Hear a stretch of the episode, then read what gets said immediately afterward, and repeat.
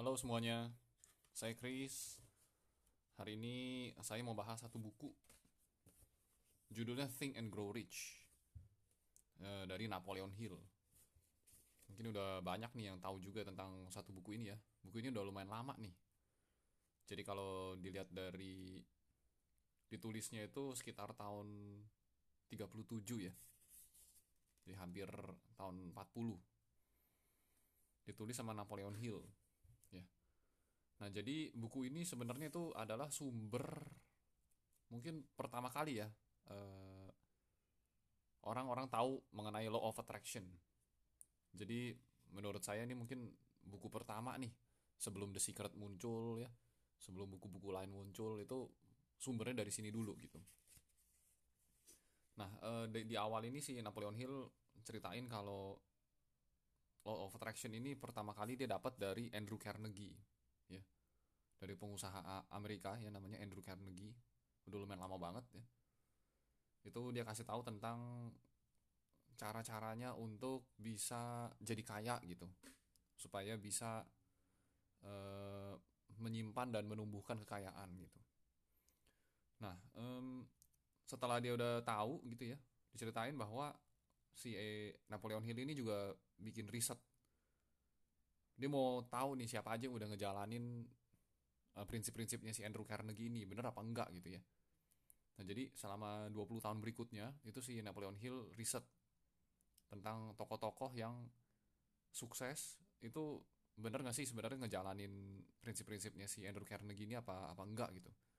Jadi di antara tokoh-tokoh itu ada Henry Ford ya yang mobil ya pencipta mobil pertama di Amerika. Terus ada Theodore Roosevelt ya presiden Amerika terus ada Wilbur Wright. Wilbur Wright itu ya salah satu dari Wright bersaudara ya yang penemu pesawat terbang. Terus ada Charles Schwab ada Rockefeller ya. Itu juga mungkin salah satu mungkin orang terkaya di Amerika sepanjang sejarah kali ya dari zaman dulu tuh ya John Rockefeller ya. Terus Thomas Alva Edison ya penemu lampu ya listrik. Terus ada Alexander Graham Bell ya penemu telepon itu dia ceritain di sini itu memang ternyata menerapkan. Dia udah tahu prinsip-prinsip yang diceritain sama si Andrew Carnegie ini. Dan mereka nerapin semua di kehidupan mereka masing-masing gitu ya. Sampai akhirnya ya hasil yang berbicara gitu. Mereka mencapai apa yang mereka visualisasikan gitu ya. Dan hasilnya pun dikenal dan terkenal di seluruh dunia gitu. Nah di sini di buku ini tuh si Napoleon Hill ini ngebagi ke dalam eh, 15 chapter ya. Jadi chapter-chapter ini merupakan kayak semacam langkah-langkah gitu ya. Langkah-langkah ilmu yang dia share supaya kita juga tahu gimana caranya bisa me- menu- menumpuk kekayaan dan menumbuhkannya gitu ya. Sebenarnya intinya adalah gimana caranya kita mau eh, mencapai tujuan kita gitu. Jadi apa pun tujuan kita apa pun visi kita apa pun mimpi-mimpi kita tuh gimana cara mencapainya tuh sebenarnya bisa pakai eh, ilmu-ilmu ini gitu. Dan karena mungkin sebagian besar orang visi atau mimpinya kan soal soal kekayaan gitu ya. Nah jadi eh, banyak yang contoh-contoh yang dibahas juga soal kekayaan gitu yang yang cukup relevan gitu. Tapi ada juga contoh-contoh lain yang di, yang di luar dari soal kekayaan juga ada banyak yang dibahas di sini yang intinya adalah gimana caranya kita mencapai visi atau tujuan atau mimpi-mimpi kita di masa depan gitu ya. Jadi nggak cuman nggak cuman ngayal doang tapi gimana caranya supaya menjadi kenyataan gitu. Nah ini kalau dari chapter yang pertama itu kita harus punya desire ya. Kita udah harus punya desire ini bukan cuman ngayal doang bukan cuman wish doang ya tapi burning desire gitu burning desire ini harus sampai sedemikian kuatnya sampai kita benar-benar pikirin itu terus setiap saat gitu ya. Sampai itu harus terjadi apa pun apa pun yang harus dilalui gitu ya. Bagaimanapun caranya itu harus terjadi gitu itu ya burning desire. Nah terus ada juga soal visualisasi ya, ya visualisasi. Jadi ketika kita udah udah tahu nih kita mau desire-nya apa, obsessionnya apa, itu kita harus praktekin salah satunya itu soal visualisasi. Ya visualisasi itu kalau menurut Napoleon Hill itu lebih baik diterapkannya itu pas bangun pagi dan menjelang tidur malam. Jadi sehari dua kali. Ya. sehari dua kali visualisasi supaya apa supaya akan berubah jadi belief gitu jadi visualisasi dan yang diulang terus menerus ini secara persisten itu akan mempengaruhi subconscious mind akan mempengaruhi alam bawah sadar sehingga akan jadi belief. Nah kalau udah jadi belief itu kita akan berupaya dengan segala cara ya dengan bantuan dari alam semesta gitu itu gimana caranya merealisasikan apa yang udah kita bayangkan gitu. Ya. Nah kalau di chapter 2 ini dia udah kasih tahu ada beberapa langkah ya six steps six practical steps. Nah gimana caranya supaya kita bisa nerapin ini dengan ini ya dengan dengan konkret gitu ya? Nah yang pertama itu kita harus tahu contohnya nih dalam hal ini ya dalam hal mau soal kekayaan gitu ya dalam hal mau dapat duit. Itu yang pertama itu kita harus tahu kita harus tentuin kita harus tentuin dulu besaran duitnya. Jadi kita mau mau mau dapat berapa duit itu kita harus tentuin dulu gitu mau bisa mau mau dapat berapa juta mau dapat berapa m itu kita harus tentuin dulu angkanya. Misalnya 1 m gitu ya. Nah itu udah harus tahu dulu 1 m. Jadi karena kalau cuma bilang mau kaya doang itu itu nggak nggak jelas gitu ya. Nggak jelas untuk subconscious mind. Jadi harus tentuin tentu ditentuin angkanya dulu gitu ya. Misalnya 1 m gitu ya. Nah, langkah yang kedua itu harus kasih tahu apa yang bersedia kita kasih nih supaya kita bisa dapat satu M itu. Jadi misalnya kita ahlinya apa gitu ya. Kita ahlinya apa, kita bisanya apa. Nah, apa yang bisa kita rela kasih resource yang kita punya untuk dapetin satu M itu gitu. Nah, terus yang ketiga itu kita harus tentuin deadline-nya ya. Jadi harus kita tentuin tanggal pastinya kita bisa dapat duit itu. Jadi misalnya tanggal berapa? Tanggal 1 Januari tahun 2030 gitu misalnya. Jadi kita harus tentuin tanggal pastinya gitu ya. Itu yang ketiga. Terus yang keempat itu adalah kita harus bikin plan. Nah, plannya ini kadang-kadang kalau kita masih belum tahu, ya kita harus tetap usaha terus gitu ya. E, apa pun petunjuk-petunjuk yang yang yang ada dan biasanya pun juga kadang-kadang bisa di bisa bisa ada flash ada flash dari subconscious mind gitu ya untuk ngasih kita plan dari alam bawah sadar tentang langkah-langkah yang harus kita ambil gitu.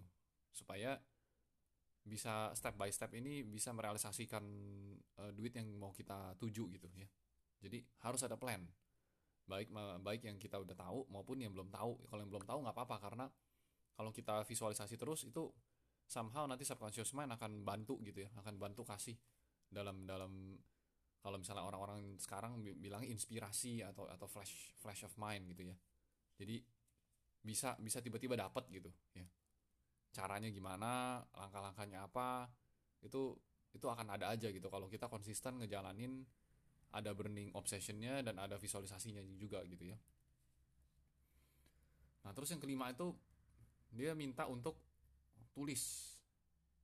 Tulis statement ya. Uh, jumlah duitnya berapa banyak, terus uh, kapan ya, kapan harus uh, kapan harus dicapai, terus apa yang bersedia kita kasih, ya, resource apa yang bersedia kita kasih, sama uh, plannya. Jadi rencananya apa nih untuk mencapai itu step by stepnya apa gitu ya. Nah terus yang terakhir nih langkah terakhir ini juga nggak kalah penting itu kita diminta untuk baca dengan suara gitu ya baca dibaca pakai suara sehari dua kali yang tadi kayak saya bilang dia saraninnya itu adalah ketika bangun tidur pagi dan menjelang tidur malam. Dan kita harus membayangkan bahwa kita udah seolah-olah dapat duitnya gitu. Nah ini adalah langkah terakhir.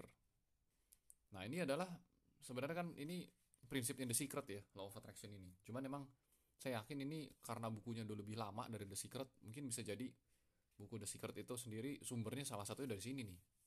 Bukunya si Napoleon Hill ini ya. Gitu langkah-langkahnya sih seperti itu. Cuman dia kasih tahu dia cerita-cerita juga di buku ini tentang contoh-contoh tokoh-tokoh yang udah sukses ngejalaninnya. Mungkin banyak dari mereka yang nggak tahu ya tentang tentang langkah-langkah ini tapi mereka secara secara nggak langsung mereka udah praktekin. Dan hasilnya pun kelihatan gitu ya dari tokoh-tokoh yang tadi saya udah sebut gitu. Uh, nah berapa lamanya tercapainya itu kita nggak nggak tahu gitu. Nggak akan pernah tahu.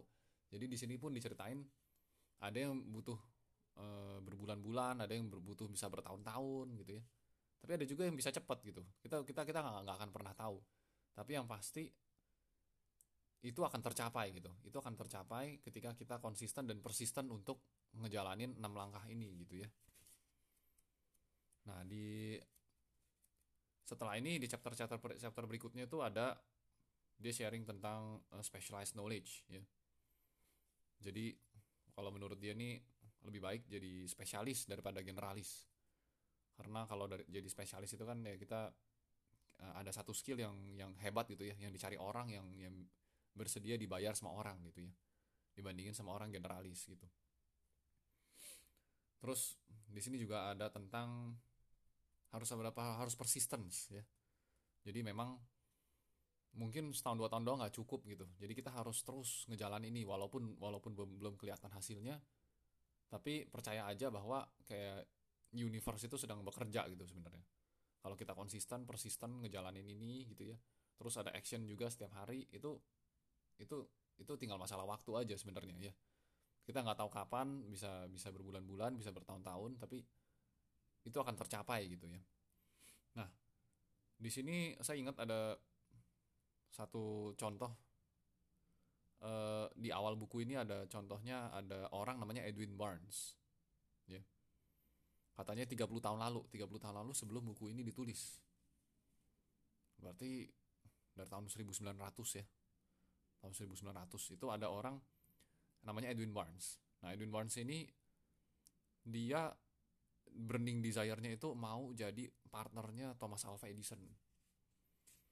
Ya, dia mau jadi partnernya. Jadi bukan kerja ya, bukan kerja jadi karyawan, tapi mau jadi partnernya Thomas Alva Edison gitu. Nah, itu itu gimana caranya dia mewujudkan ini? Itu yang pertama kali dia lakukan adalah dia langsung samperin ke kantornya si Thomas Alva Edison gitu ya. Waktu itu dia tinggalnya di beda kota. Jadi dia harus naik kereta untuk itu. Nah, naik keretanya karena dia juga mungkin gak ada duit waktu itu jadi dia naik kereta barang naik kereta barang demi datang samperin ke ke kota yang si ada kantornya si Thomas Alva Edison gitu. Diceritain dia eh, kantornya dia ada di New Jersey gitu ya. Jadi dia harus naik kereta barang. Nah begitu nyampe di situ ya seperti biasa gitu ya dia akan karena dia udah ada burning desire dia eh, dibilang dia rela ngerjain apa pun. Demi bisa uh, kayak semacam dekat dulu lah gitu sama si Thomas Edison gini gitu ya jadi setelah itu jadi cerita diceritain dia diterima jadi karyawan dulu. Jadi karyawan ngerjain banyak hal yang sepele lah gitu ya. Jadi uh, dia kerjain dulu dia tekun nggak apa-apa dia, dia, dia tunggu dengan, sabar gitu ya. Sampai akhirnya itu dia kerja di situ sampai udah lima tahun. Jadi di mata orang-orang itu kan sebenarnya dia cuma salah satu pegawainya Thomas Edison. Cuman di di visualisasinya Edwin Barnes ini dia terus bermimpi bervisualisasi bahwa dia sebenarnya tuh udah jadi partnernya si Thomas Edison gitu. Tinggal masalah waktu aja. Nah sampai akhirnya di tahun kelima ini ternyata ada kayak satu apa ya ada satu mesin gitu ya. Ada satu mesin itu yang dia tawarin dia bisa jual gitu. Jadi dia tawarin ke si Edison bahwa gue bisa jual nih mesin lu nih. Jadi namanya tuh Edison Dictating Machine ini uh, mesin baru ya. Mungkin belakangan dikenal namanya Ediphone Ediphone ya. Bahkan sales-salesnya itu sebenarnya nggak terlalu antusias ya tapi si Barnes ngajuin diri untuk untuk bisa jualan gitu. Nah, akhirnya si Barnes ini diceritain sukses. Ternyata dia bisa jualan sukses. Sampai akhirnya dia e, nawarin untuk jadi kayak semacam distributor untuk khusus mesin ini gitu ke si ke si Edison jadi distributor tunggal gitulah untuk untuk untuk pasarin mesin ini. Nah ternyata Edison setuju gitu. Setuju untuk si Barnes ini untuk pasarin ini karena udah kelihatan kan dia dia, dia bisa jualan gitu. Nah berarti secara langsung udah jadi partner Edison gitu ya. Jadi diceritain di sini tuh memang sampai udah lima tahun baru ternyata burning obsessionnya si Edwin Barnes ini baru terrealisasi gitu ya itu yang uh, salah satu contoh di bagian bagian bagian awal gitu ya. Nah terus ada juga yang yang cepet nih yang saya ingat ini ada satu cerita soal ada satu orang ya. Dia ini sebenarnya kayak filosofer ya. Filosofer atau atau preacher gitu ya. Jadi kayak mungkin pengkhotbah gitu ya. Nah eh, jadi orang ini tuh sebenarnya dia mimpinya itu mau bikin kayak semacam institusi pendidikan ya institusi pendidikan yang yang revolusioner. Jadi menurut dia sistem pendidikan waktu zaman itu tuh itu kayaknya kurang menurut dia. Jadi dia mau bikin yang menurut dia jauh lebih bagus gitu. Nah eh, ternyata si orang ini walaupun udah tahu ya dia kayaknya udah tahu bahwa dia harus ada plan harus ada target harus ada visualisasi gitu. Tapi diceritain itu dia cuman ngepikirin doang. Jadi cuman pikirin doang gitu sampai 2 tahun. Dan nggak akan nggak dan nggak terjadi apa-apa gitu. Jadi setelah cuman dia pikirin doang gue harus bikin nih institusi pendidikan nih yang bagus nih. Tapi cuma dipikirin doang nih modalnya dari mana ya? Dia butuh waktu itu satu juta dolar waktu itu butuh satu juta dolar. Nah karena dia bingung karena dia bingung itu satu juta dolar dapat dari mana dia pikirin terus selama dua tahun. Nah tapi karena cuma dipikirin terus akhirnya nggak terjadi apa-apa. Nah sampai satu waktu dia putusin untuk dia kasih deadline. Dia kasih deadline. Katanya saya harus dapat satu juta dolar di minggu ini gitu. Jadi dia langsung kasih deadline begitu ya langsung harus harus dapat satu juta dolar di minggu ini. Nah sejak dia udah putusin itu ternyata apa ya kayak ada kayak ada perasaan yang berbeda gitu ya di dalam diri dia. Kayak ada katanya perasaan yang belum pernah dirasakan sebelumnya gitu yang jadinya everything happens in a hurry gitu. Tiba-tiba dia tiba-tiba dia kepikiran untuk telepon kayak semacam koran lokal gitu.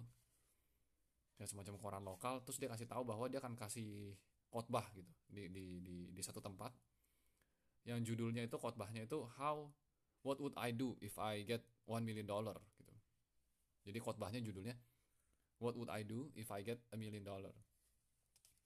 Nah itu itu sampai udah dipublish.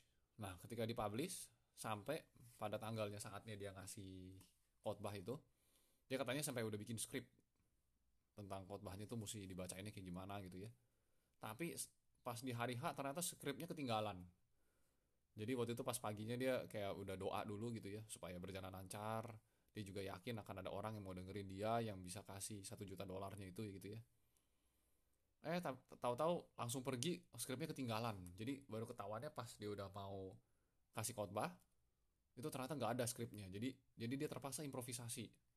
Nah di sinilah waktu dia terpaksa improvisasi itu dia terpak dia dia jadi secara nggak langsung apa ya jadi kayak khotbahnya itu pakai hati gitu ya. Jadi pakai energi dan pakai hati gitu ya yang benar-benar semangat yang tulus gitu ya. E, tentang plan-plan dia untuk bikin institusi pendidikan dengan modal satu juta dolar gitu. Nah sampai akhirnya setelah selesai ada satu orang yang yang tiba-tiba nyamperin dia gitu. Terus dia bilang sama sama si sama si orang ini e, sir uh, saya percaya gitu uh, anda akan bisa menjalankan apa yang anda uh, katakan barusan gitu. Saya percaya anda bisa membangun institusi institusi pendidikan sesuai dengan yang anda anda rencanakan gitu. Jadi uh, nama saya ini gitu ya dia dia dia perkenalin diri. Kalau misalnya anda bisa datang ke kantor saya besok saya akan kasih satu juta dolar itu gitu. Wah gitu gitu kan. Jadi ternyata bener ada ada orang yang dengerin dia dan dan mau ngasih satu juta dolar gitu. Dan besoknya disamperin ke kantornya dan bener dikasih satu juta dolar. Dan itu sampai sekarang tuh udah udah udah ada ininya ya apa ada ada institusinya ya. Jadi namanya Armor Institute of Technology. Jadi jadi jadi institut gitu ya.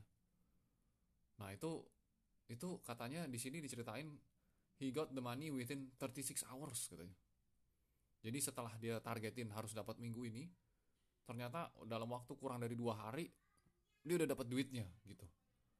Nah ini adalah salah satu contoh yang paling cepat yang saya lihat di, di buku ini, yang bisa setelah dia putusin itu bisa langsung jadi kenyataan nih secepat ini gitu ya.